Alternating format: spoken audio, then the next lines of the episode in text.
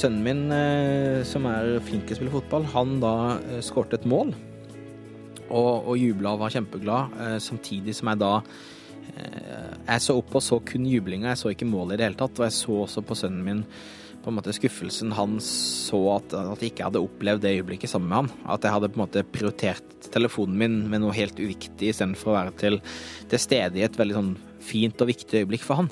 Du får snart høre mer fra Thomas Moen, som er IT-gründer og elsker sin smarttelefon og sosiale medier. Men det kan altså bli for mye av det gode. Man føler jo en, en, en, en skam eh, over eh, eh hvor dum man har vært som har eh, prioritert noe som er så uviktig,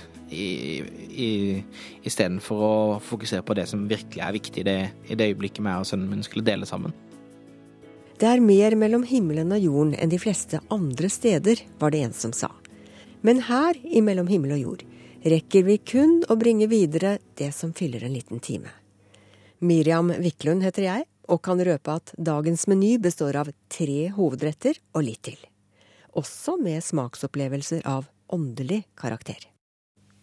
Jeg ble erklært klinisk død på operasjonsbordet nesten en time. Eh, kjempa lega for å få meg tilbake til livet. Og når jeg spurte autorisert personell, doktorer og sånt om hvorfor det ikke ble mørkt når det skulle være mørkt og alt dette der, så fikk jeg forklaring om at det var hallusinasjoner og mangel på blodsirkulasjon til hjernen og alle de helt alminnelige bortforklaringene. Det sa en av de jeg traff på konferansen om nær døden-opplevelser i Oslo for noen måneder siden. Slike opplevelser rimer ikke med hva noe av det vi har lært er mulig. Om noen minutter får du mer om hvordan nær døden-opplevelser kan forandre holdninger til livet. Hva er det du setter mest pris på i hverdagen din? En god samtale med en kamerat? Å leke på gulvet med barnet ditt? Gå en tur med en venninne i skogen mens du trekker inn den friske vinterlufta? Den sosiale omgangen med folk er viktig for de fleste av oss. Men ofte ser vi at smarttelefoner og lesebrett tar mer og mer av tiden vår, på godt og vondt. Thomas Moen er selv IT-gründer og elsker teknologi. Men da smarttelefonen kom mellom ham og sønnen, ble han nødt til å ta et oppgjør med seg selv og tiden han brukte på teknologiske duppeditter. Hverdagen min tidligere var jo fylt av altså For det første med en gang jeg våkna, det første jeg gjorde var selvfølgelig å, å sjekke Facebook og, og, Twitter og Instagram osv. Eh, og chatte med vennene mine. Eh, hive meg på, eh, sjekke innboksen, og telefonen på en måte er med deg hele dagen. Når du kommer hjem fra jobb, eh, sitter du og sjekker mail eh, på trikken hjem, når du sitter og ser på TV, eh, du sitter og chatter med venner. Så telefonen stort sett dura hele dagen, og var stort sett i hånden min også hele dagen. Heller ikke da han var sammen med familien, kunne han legge bort teknologien et lite øyeblikk. Av og til ble smarttelefonen viktigere enn samværet med de han er glad i. Du la det til en, en refleks, en vane, som gjorde at eh, med en gang telefonen din lagde en lyd eller vibrerte, så, så tok du den opp uansett eh, hvilken setting du var i. Spiste jeg middag med min mor og min sønn og så videre, så, så, så var jeg ofte på telefonen og sjekka innimellom middagsbordet, eller når man satt og så på TV og satt og fulgte med på Norske Talenter eller et eller annet sånt, som er en sånn hyggelig familiestund, så, så var man mer opptatt av å se hva internett syns om det, den eh, TV-programmet, og fortelle alle hva man mente, mer enn å faktisk være til stede og, og heie og oppleve ting og, og være i øyeblikket, da. Mm. Eh, og, og, det ble sånn at man hele tiden veide opp da eh, det øyeblikket man faktisk var i, mot da om det var noe gøyere man kunne da få tak i på telefonen andre steder. Det høres veldig fælt ut å si det nå. Sa det noe til deg? Ja, det, man hørte ofte at det, sitter du på den telefonen igjen, og kan du ikke legge den fra deg, og, og den type ting. Eh, men man ble da immun mot det etter hvert. ikke sant? Man, mm. man hørte nesten ikke kommentarene og forsto egentlig hvor, hvor, mye tid man brukte foran skjermen. Mm. Men hva svarte du der, da, når det kom med sånne kommentarer? Eh, jeg svarte Det var vel altså kommer snart, eller ja ja, snart, og jeg må bare skrive ferdig dette. Eh, nesten som, en, som, et barn som eh, blir forstyrra i en lek eller noe sånt, der man vil leke seg ferdig, så, så responderte jeg vel ofte på nesten samme måten. Til stades, men likevel så langt borte. Kjenner du deg igjen? Ja, kanskje litt. Mange av oss eier en smarttelefon, og stadig flere kjøper nettbrett. Teknologiske verktøy som er enkle å ta med, og som gjør oss lett tilgjengelige til enhver tid. Et tastetrykk, så er du på veven. 30 år gamle Thomas har sjøl bidratt til at vi bruker stadig mer av tida vår på nett og mobil. Han er IT-gründer og har bygd opp bloggsamfunn, utvikla applikasjoner og sosiale medier. Men en dag ble det for mye fokus på teknologi, sjøl for en IT-mann som Thomas. I fjor så var jeg og, og så på fotballtrening med sønnen min, eh, som var selvfølgelig veldig stolt av at jeg satt og heide på og fulgte med. Eh, som da eh, veldig mange andre av de mødrene, fedrene som var rundt meg, så, så satt de aller fleste også med telefonen sin i den ene hånden og et halvt øye på barna sine i den andre. Sønnen min, eh, som er flink til å spille fotball, han da eh, skårte et mål og, og jubla og var kjempeglad, eh, samtidig som jeg da jeg så opp og så kun jublinga, jeg så ikke målet i det hele tatt. Og jeg så også på sønnen min på en måte skuffelsen han så at, at jeg ikke hadde opplevd det øyeblikket sammen med han. At jeg hadde på en måte prioritert telefonen min med noe helt uviktig istedenfor å være til, til stede i et veldig sånn fint og viktig øyeblikk for han. Eh, og det var vel da jeg virkelig bestemte meg for at dette har gått for langt, og nå må jeg ta meg sammen og heller virkelig eh, være til stede. Hva følte du da? Man føler jo en, en, en, en skam eh, over eh, hvor egoistisk man har vært, og eh, hvor dum man har vært som har eh, prioritert noe som er så uviktig, istedenfor å fokusere på det som virkelig er viktig i det, i det øyeblikket meg og sønnen min skulle dele sammen. Mm. Eh, jeg husker at jeg, jeg, tok og slo av telefonen og hadde ikke på telefonen igjen før han hadde lagt seg den dagen, for det, virkelig, det gikk virkelig dypt inni meg. Du, Hva var det sønnen din sa da, når, når, du fortalte det, at du hadde ikke sett eh, at han hadde skåret målet? Eh, vi, altså, vi snakket ikke så mye. Han spilte jo kampen sin ferdig, så det var mer det jeg så øynene hans og skuffelsen hans. Eh, samtidig som jeg tror nesten han hadde en forventning om at han er vant med å se meg med telefonen i hånda, ikke sant. Et hardt slag i fjeset, men dagen på fotballbanen ble en vekker for Thomas. I dag har han laga kjøreregler for bruk av mobiltelefon. Reglene går mellom annet ut på ingen sjekk av e-post, Facebook og andre sosiale medier før lunsj. Legge bort mobilen fysisk etter jobb, og ingen bruk av mobil for å slå i hel dødtid. Nei, altså Jeg får jo mer ut av familietiden. Jeg får mer ut av tiden med min sønn, tiden med min mor, med min kjæreste, fordi at det er mye mer til stede. På hva måte da? Eh, nei, altså man, man, har mye, mye bedre samtaler fordi man begge føler at begge følger med og er like interessert i å, å prate. Um, jeg, får ikke, jeg får med meg alle fotballmålene til sønnen min når jeg ser på han på fotballtrening, uh, eller når jeg er ute og står på ski med han i bakken osv. Um, man legger mye mer merke til de små tingene som faktisk er kjempeviktige. Hva slags kjøreregler har du nå for, eh, for, eh, å være med sønnen din på fotballkamp? Eh, hvor er mobilen henne i dag når han er ute på banen? Eh, mobilen er eh, lydløs og vibrasjonsløs i, i lomma mi, eller ofte også på sånn flight mode. Så, så nå er telefonen helt borte. Er vi, eh, i, er vi, hjemme, så ligger telefonen på kjøkkenet på lydløs istedenfor at den er i handa mi når jeg er sammen med sønnen min, f.eks. Eller når vi er i bakken, så ligger den bare i tilfelle et eller annet skulle skje og man ønsker å få tak i noen, så ligger den der klar til bruk, men aldri noe som tas opp og, og brukes for å fylle noen tomme øyeblikk. Følger du alt dette her slavisk, eller, eller kan det hende at du detter ut av og til? Altså regler er til for å brytes. Eh, men jeg følger det mer eller mindre slavisk, fordi jeg føler det gir meg såpass mye verdi. Men men selvfølgelig er det et eller annet viktig som skjer, eller er det noen som lurer på noe, så sier ikke nei, beklager, jeg kan ikke ta det akkurat nå fordi at eh, jeg har disse reglene for meg sjøl. Hva sier sønnen din da eh, nå etter at du har fått disse kjørereglene? Altså, altså, Sønnen min og meg har fått et tettere forhold, og han, han kommer til meg ofte og, og, og, spør gjerne og på en måte tar initiativ mer til å gjøre ting sammen nå enn før. For nå, nå vet han at han blir sett og hørt og, og at det er til stede når vi gjør ting sammen. Eh, så, så forholdet vårt har blitt eh, enda bedre og enda tettere. Og han nevner ofte også det at han syns det er gøy at jeg ikke trenger å jobbe i dag, eller at jeg ikke er med telefonen osv. Så, videre. så det, det føles utrolig bra. Ja, Han gjør virkelig det, altså. Han sier det. Ja, han sier det. I, I, dag så er det mye viktigere for meg og verdifullt for meg å, å, å kjenne at jeg er til stede, og, og være flink til å nyte store og små øyeblikk sammen med folk. Thomas jobber med IT, og det kan kanskje virke litt paradoksalt at det er nettopp han som har laga kjøreregler for bruk av mobil og nett. Thomas syns det er helt naturlig, fordi jeg elsker teknologi. Jeg elsker sosiale medier og alle mulighetene de gir til å nå ut til mennesker og lære mer og knytte relasjoner og, og sånne ting. Og teknologien er, er kommet for å bli og er en viktig del av hverdagen vår, og det vil det være fremover.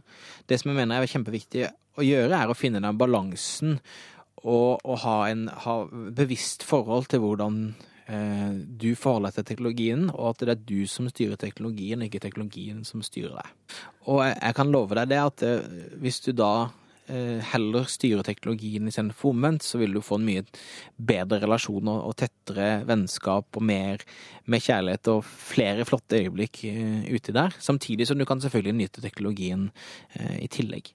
Det sa Thomas Moen fra Hovden i Setesdal, som tror det er mange som trenger et lite puff for å se opp fra smarttelefonen sin.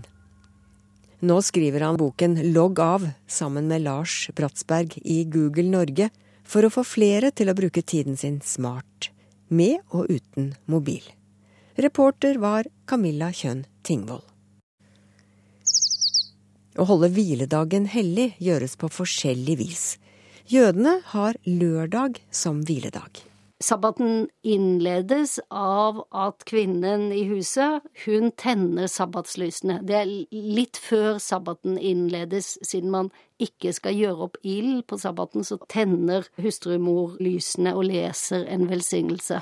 Du får vite mer om jødisk sabbatsfeiring hvis du følger med oss videre i sendinga. Mellom himmel og jord i NRK P1. Senhøstes i slutten av oktober var det en konferanse om nær døden-opplevelser i Oslo. Innsamling av slike historier har pågått i over 30 år, helt siden den amerikanske legen Raymond Moody skapte furore over store deler av verden med sin bok Life After Life, eller Livet etter livet. Moody var også utdannet psykolog, og stilte seg først kritisk til at pasienter kunne huske hva som skjedde med dem mens de var erklært klinisk døde. Etter gjenopplivningen hevdet flere at de hadde hatt ut-av-kroppen-opplevelser og møtt avdøde slektninger oppunder taket, samtidig som de så og hørte alt som skjedde i rommet der de lå, helt livløse. Nei, det var for mye for den godeste doktor Moody inntil han, for å motbevise det hele, begynte å intervjue pasienter om akkurat dette. Han ble mer og mer forundret da én av tre av de han snakket med, langt på vei kunne bekrefte det han hadde hørt. Selv om historiene kunne variere noe, var det flere elementer som gikk igjen. Og foruten ut-av-kroppen-opplevelsene hadde de fleste det til felles at de beskrev et lys eller en lysskikkelse og samtidig få følelsen av å bli omsluttet av en enorm kjærlighetskraft. I dag skal vi se nærmere på ettervirkningene. For på konferansen i Oslo var det flere foredragsholdere som snakket om gjennomgripende personlighetsendringer i kjølvannet av slike opplevelser. Men før vi går nærmere inn på det, så koster vi på oss et par beskrivelser fra to personer som har hatt en nær døden-opplevelse. Først ut er Irene. Jeg begynner å se ting rundt meg. Det er en ung lege, og hun eh, unge søsteren, hun holder seg bak hodet mitt. Det neste jeg husker, er da jeg fløt opp under taket. Der er bestemor. Hun døde for to år siden. Jeg kan se eh, kommentarer og Jeg kan se eh, tanker. Framfor meg på denne veien så eh, befant befann seg en ljusvarelse. Og jeg så henne bare eh, som en punkt av ljus i alt det her ljuset jeg befann meg i. Og jeg kjente Det første jeg kjente, var at denne varelsen kunne se rett igjennom meg.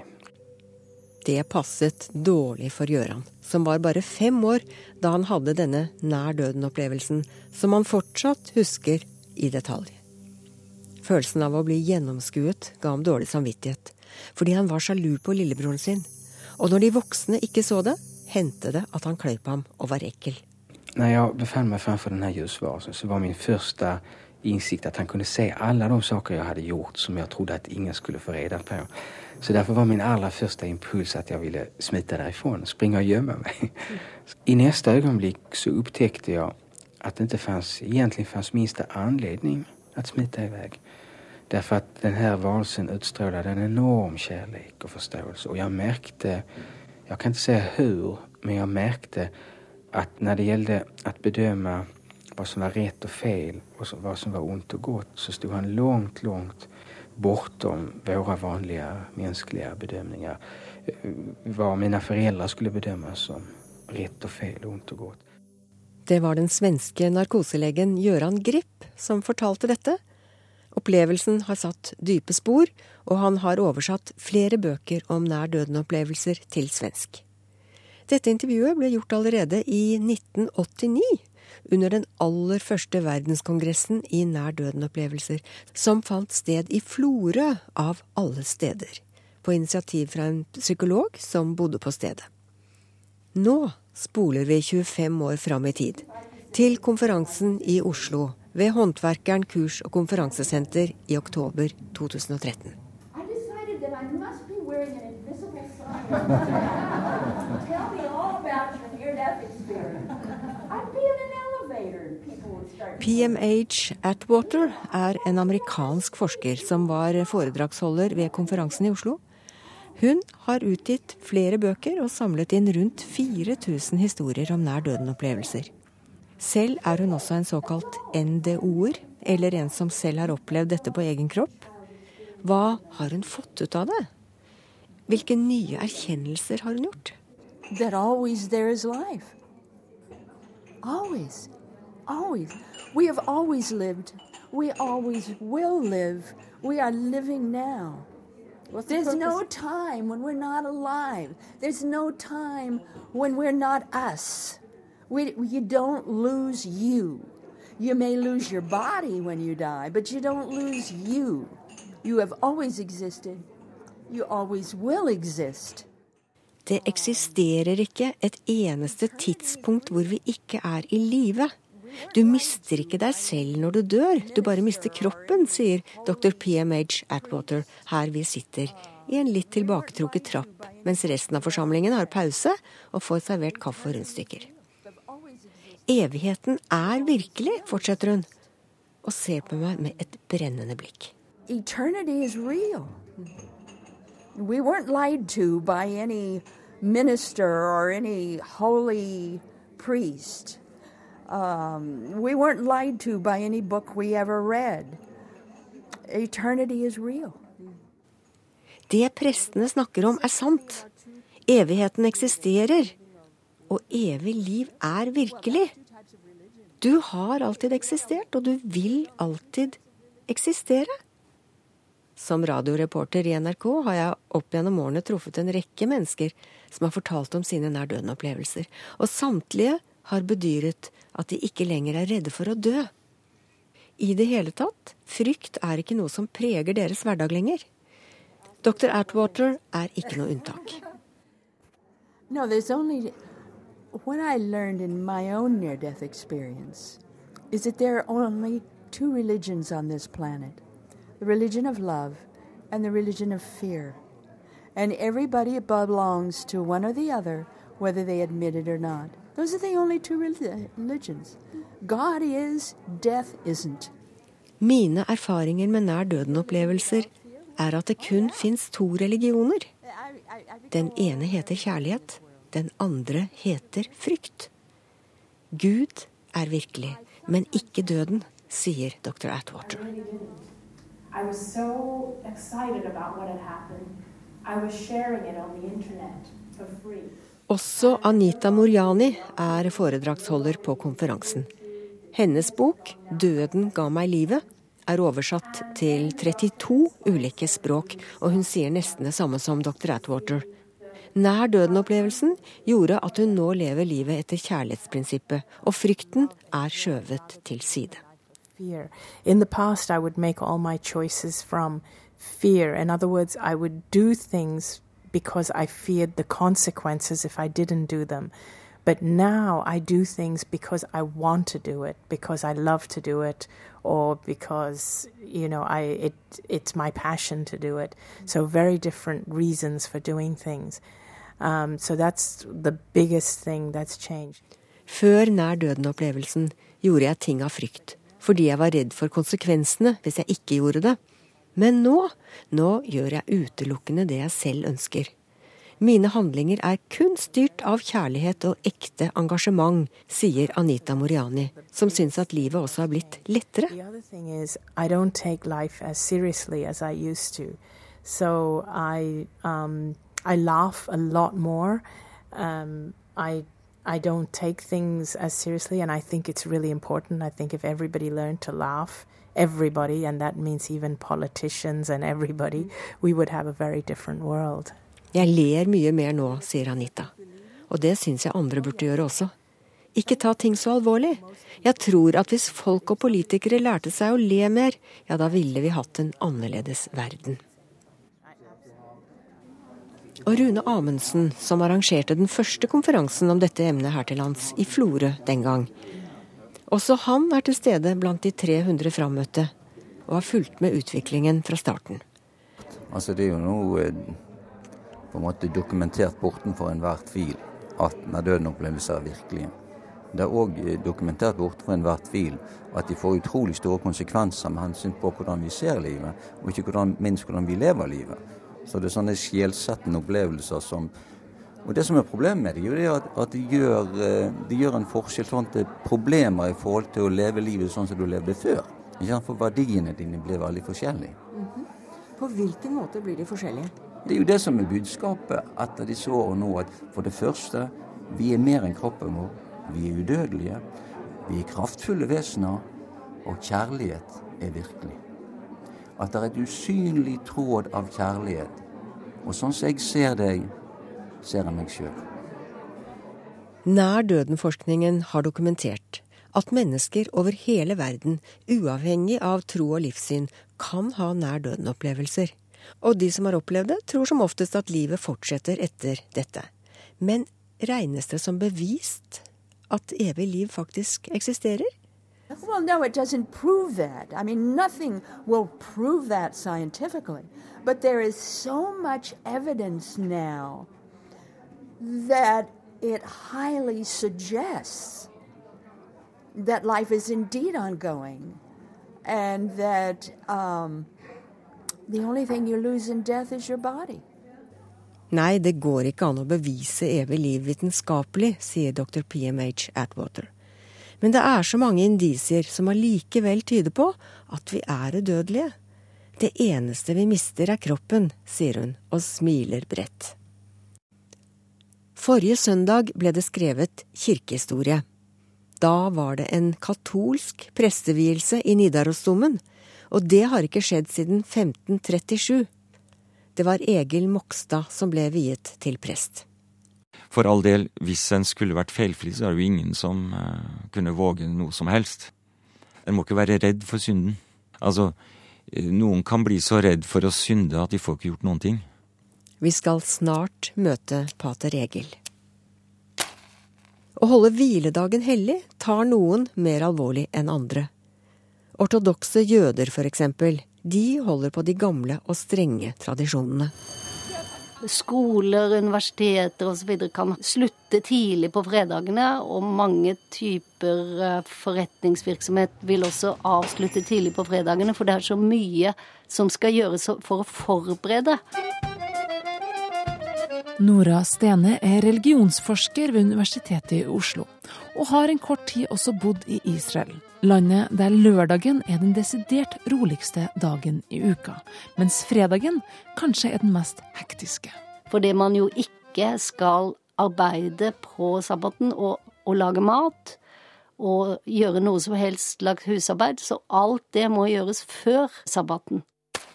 Sabbaten innledes av at kvinnen i huset, hun tenner sabbatslysene. Det er litt før sabbaten innledes, siden man ikke skal gjøre opp ild på sabbaten, så tenner hustrumor lysene og leser en velsignelse.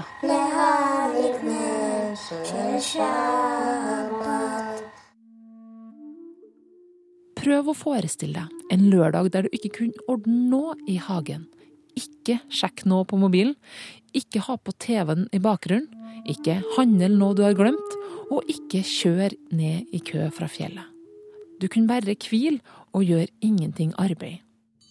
Det regnes som den syvende dagen i uken.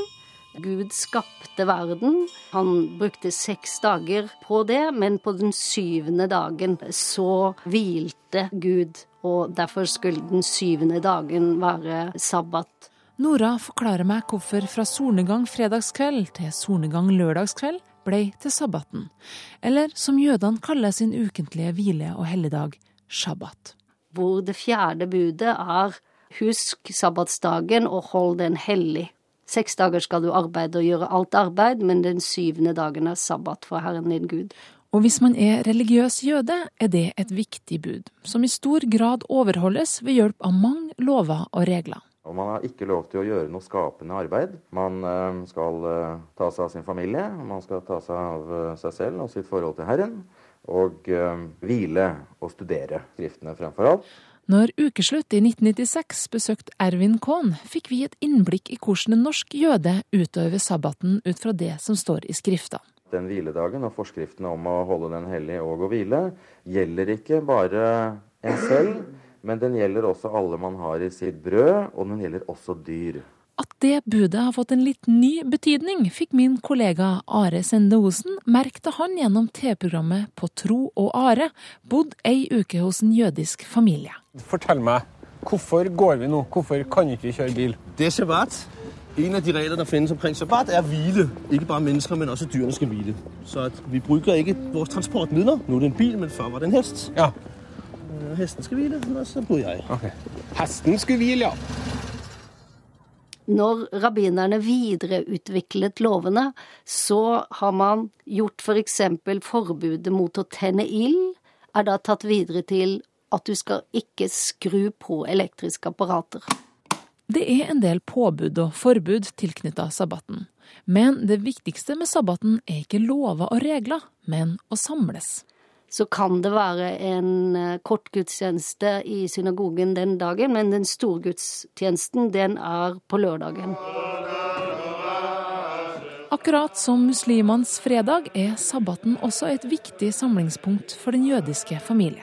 I dag er også shabbat fredag kveld den kvelden hvor eh, vi alle møtes, alle kommer hjem. Det er nesten uhørt at ikke familien der sammen. Og det, det, gjelder nok de fleste israelske hjem, også de hjem som, hvor folk ikke er religiøse på noen måte. Kollega Kjetil Lillesæter besøkte den norske jøden Rami Aronsson i sitt hjem i Israel. Det som er felles for de alle, er at den beste maten blir sagt fram, og at det blir investert en masse arbeid og tid på at shabbatsmåltidet skal være så rikt og så festlig og så godt som mulig. Hvordan mat man lager til sabbatsmåltidet er opp til hver enkelt familie, men én ting er spesielt viktig. Et påbud om at det skal bakes en spesiell type fletteloff. Og hvorfor må det være en fletteloff? To fletteloff, ikke bare én. Og da minnes vi den gangen vi vandret 40 år i ørkenen og fikk eh, manna for én dagsrasjon.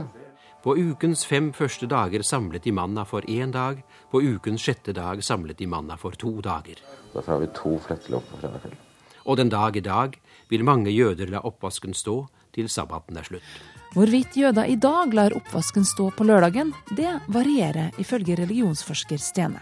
Det er veldig ulikt fra de som virkelig går inn for å forsøke å overholde alle påbudene, til dem for hvem det ikke betyr så mye, og som kanskje syns at har de slektninger som gjerne vil overholde budene, at de er tungvint for dem. Som i Norge er det forskjeller på hvorvidt hviledagen holdes hellig. Men én ting skiller jødisk Israel fra kristne Norge.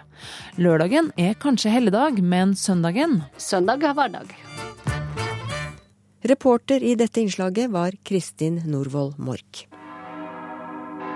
Nå flytter vi oss tilbake til forrige søndag, for da skjedde det en spesiell begivenhet i Nidarosdomen i Trondheim. Vet du om han er verdig? Etter å ha spurt det kristne folk, og etter at de som har hatt ansvar for ham, har sagt sin mening, vitner jeg at han har funnet verdig til prestetjeneste. Vi setter vår lit til Herren vår Gud og vår Frelse Jesus Kristus, og velger denne vår bror til prest. Ja, et ikke helt bra opptak fra Nidarosdomen forrige søndag hørte vi biskop i Den katolske kirke, Bernt Eidsvik, spørre om Egil Mokstad er verdig til å bli prest. Og svaret var, ikke overraskende, ja. Og dermed er Egil Mokstad pater i St. Olavs kirke i Trondheim. Det var et historisk sus over denne prestevielsen. For sist det ble avlagt et katolsk presteløfte i Nidarosdomen, var i år 1536. Men nå skjedde det altså igjen i overensstemmelse med lutheranerne i Trondheim og Den norske kirke. Det er også spesielt at nå pater Egil allerede i 1974 ble vigslet til prest i Den norske kirke. Men dragningen mot det katolske ble etter hvert for sterk. Hva skjedde? Lutheraner har i grunnen aldri vært. Og det var vel det jeg oppdaget for fullt i løpet av de to årene jeg var uh, luthersk prest, at dette blir feil. Så det var et spørsmål rett og slett om en slags redelighet. Uh, jeg mener, hvis du er medlem av Høyre og oppdager at du egentlig er sosialist, så tar du vel konsekvensen. Mm. Altså det, det, er kanskje litt voldsom sammenligning fra det religiøse til det politiske, men allikevel. Mm. Hva var det som du opplevde mest feil da med, med den, den, eh, lutherske kirka? Ja, feil. Altså det er fryktelig vanskelig å snakke sånn, fordi at da kan det med en gang bli oppfattet også som en kritikk mot uh, det lutherske. Og den kritikk jeg kommer med, er jo personlig. Altså det er jo ut fra hvem jeg er og hvor jeg står. Og jeg antydet jo her i sted når jeg sier at dette med historie er veldig viktig for oss. Fordi at uh, vi tror på alvor at Gud som har skapt verden, på et gitt tidspunkt selv gikk inn i dette her, altså det som vi med et fagteologisk eh, uttrykk kaller inkarnasjon. At han lot seg føde som menneske. Eh, og at eh, dette har konkrete konsekvenser. Um, nå blir jeg kanskje litt slem, da, men vi kan ha litt følelse av at når lutheranere tenker på dette her, så er det nesten som om de dypper tærne i den kalde fjorden, og så opp trekker de dem tilbake. Altså, de lever ut kristentroen i hvert fall på en annen måte enn det vi gjør i disse tingene. Ja, For lutheranerne tror jo også på inkarnasjon, vel? At Jesus ble kom inn i verden. Oh, ja. og, det gjør de. Og, men du tenker at de tar ikke det fullt så alvorlig? Altså, det, det, skal jo jeg egentlig ikke si, men Nei, du får lov å si det her. Ok, ja. Helt i orden mine lutherske venner uh, vil vel bli litt uh, irriterte og kanskje litt lei seg også hvis jeg sier det på den måten, annet enn på et personlig plan. Men altså, la oss si det sånn, da, at vi, vi lever vel i de to kirkene dette ut noe forskjellig. Mm. Tenker du på nattverd og, og Der også kommer det konkrete ja. igjen. Og det konkrete handler annet om at eh, katolikkene tror at vinen i nattverden er eller blir Jesu blod. Og brødet som spises, blir Jesu kropp eller legeme ved innvielsen av måltidet. Men tilbake til selve prestevielsen i Nidarosdomen. For en utenforstående var det mye fokus på lydighet. Å være et lydig menneske. For oss er det meget viktig. Når vi bekjenner at Kirken er én, så ligger det i det faktisk nettopp også lydighet. Fordi at uh, da ser vi enigheten som så viktig at hvis mine små synspunkter og meninger ikke er i overensstemmelse med flertallet, altså det med, med det store, eh, den store enheten, så kan ikke jeg sette midt opp mot den. Mm. Jeg kan selvsagt, jeg har jo min samvittighet, og jeg vil jo kunne si hva jeg mener, og jeg kan være absolutt uenig, men det kommer et slags til syvende og sist om at uh, vi skal dra sammen, og den enkelte kan ikke sette sitt over fellesskapet. Mm. Jeg var flue på veggen under, eh, under um, prestevielsen på søndag. Mm. Og så så jeg at du måtte ned på kne foran biskopen din, og så, ja. og så love en slags lydighet også til han personlig. Ja. Det er ikke nok med vanlig folkeskikk for å være en, en, god prest? Nei, det er klart eh, Her er det veldig gamle uttrykk. Eh, de som er opptatt av riddere og den slags, vil kjenne igjen det samme hos dem. Og det er jo da igjen en slags avledning av akkurat det som uh, skjer i kirkene. altså. Mm. Så, så, det er jo et veldig sterkt uttrykk. Og enda sterkere er jo hvis du så jeg forsvant kanskje helt for deg, fordi jeg lå jo også langflat på gulvet. Ja. Og det er også et uttrykk for det samme. Helt totalt underkastelse. Akkurat. Ja. Mm. Men kjennes det godt ut? Ja, altså, jeg, føler meg ikke noe ufri, jeg. Det gjør jeg ikke. Og uh, jeg har ikke liksom plutselig forandret meg på det punktet, men det er noe med en, en uh, grunnleggende lojalitet uh, som, som, da er veldig konkret. Altså, det er jo en lydighet til Kristus, men hos oss så er det så konkret som at biskopen er da faktisk for oss i Kristi sted. Han er det. Mm. Litt som minipave, på en måte? Ja, han kunne si det. Altså, paven er jo også da for oss i i Kristi sted. Og det er klart at det betyr jo ikke at vi anser paven eller biskopen som Kristus, men det er en slags eh, Skal vi si eh, En slags ordrelinje her. mm. Men hvis du blir eh, rasende uenig med din biskop i et eller annet, får du lov å si fra? Å oh, ja, og det gjør jeg. Ja, du gjør det. ja. Ja. Absolutt. Et annet sentralt punkt i den katolske kirke og tro er synsforlatelsen. Som pater vil sannsynligvis Egil Mogstad høre mennesker bekjenne små og store synder. Men denne praksisen er han fortrolig med. Vi får jo høre at ja, det er så greit for dere, for dere kan jo bare gå og skrifte, og så kan dere begynne på igjen. Men, åh, men merk i hvert fall den siste setningen. Begynne på igjen. Mm. For det er nettopp det som også er saken. Men ved handlinger kan du faktisk skape trøbbel, ikke bare for deg selv, men for fellesskapet. Altså, i dette med enigheten så ligger det også en hemmelighet her. At uh, ditt liv har også betydning for fellesskapet. Det, det, er noe som henger sammen her. Men uh, for all del, hvis en skulle vært feilfri, så er det jo ingen som uh, kunne våge noe som helst. Mm. Det kan være litt dumt kanskje å si det sånn, men en må ikke være redd for synden. Altså, noen kan bli så redd for å synde at de får ikke gjort noen ting. Det gjelder jo nettopp å leve, men eh, kanskje minne om at eh, det greske ordet for å synde, det er jo faktisk å bomme eller miste målet av syne. Så det er jo stadig dette her å orientere seg. Og det er jo det også skriftemålet er et uttrykk for. At vi reorienterer oss og finner retningen. Det er Eli Wiesel som forteller det at under en av disse store påtvungne vandringene fra leir til leir under andre verdenskrig, var en jødisk kvinne som stadig falt utmattet om, og en rabbiner i nærheten var stadig der og fikk henne på bena igjen. Og så sier hun da bare fortvilt, men rabbi, rabbi, hvor lenge skal vi fortsette å reise oss? Så lenge vi kan, så lenge vi kan, sa han. Og det er vel eh, faktisk eh, vårt syn på mm. de forholdene der. Men er det nesten sånn at man anerkjenner menneskenaturen som en litt håpløs greie, ja. som man bare må leve med seg sjøl? Jeg må det. Ja. Og kan ikke dy meg, altså, men det er jo en, en irsk historie om en mann som kommer for å skrifte. Først til en ung prest, og så sier jo da 'Father, father, I have murdered'. How awful, sier den unge presten, så fryktelig at du har myrdet. Han bare springer ut og går videre og kommer til en gammel prest som han stiller samme spørsmålet til, og han sier 'How many, my son?' Hvor mange, min sønn? Nei, men det er en, det er en realisme eh, Som kirke er vi ikke født i går. Vi kjenner alle synder som fellesskap. Fordi vi er et menneskelig fellesskap. Hvordan opplevde du selve presteinnvielsen i, i Nidarosdomen på søndag? gikk vel litt ved siden av meg selv, eh, må jeg vel si. Fordi det er så mye som skal klaffe. Eh, folk som var der, vil jo skjønne meg der, tror jeg. Det er jo eh, ganske innholdsmettet. Det er mye som skjer. Så en må henge med i svingene der.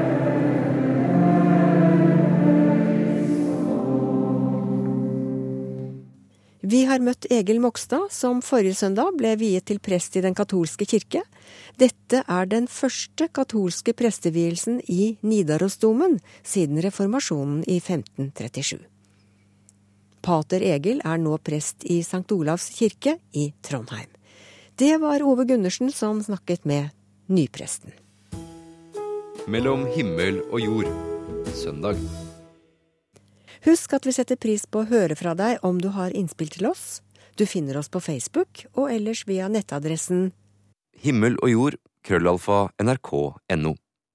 eller postadressen Mellom himmel og jord. NRK 7005 Trondheim. Jeg heter Miriam Wiklund og ønsker deg en herlig søndag. På gjenhør om en uke.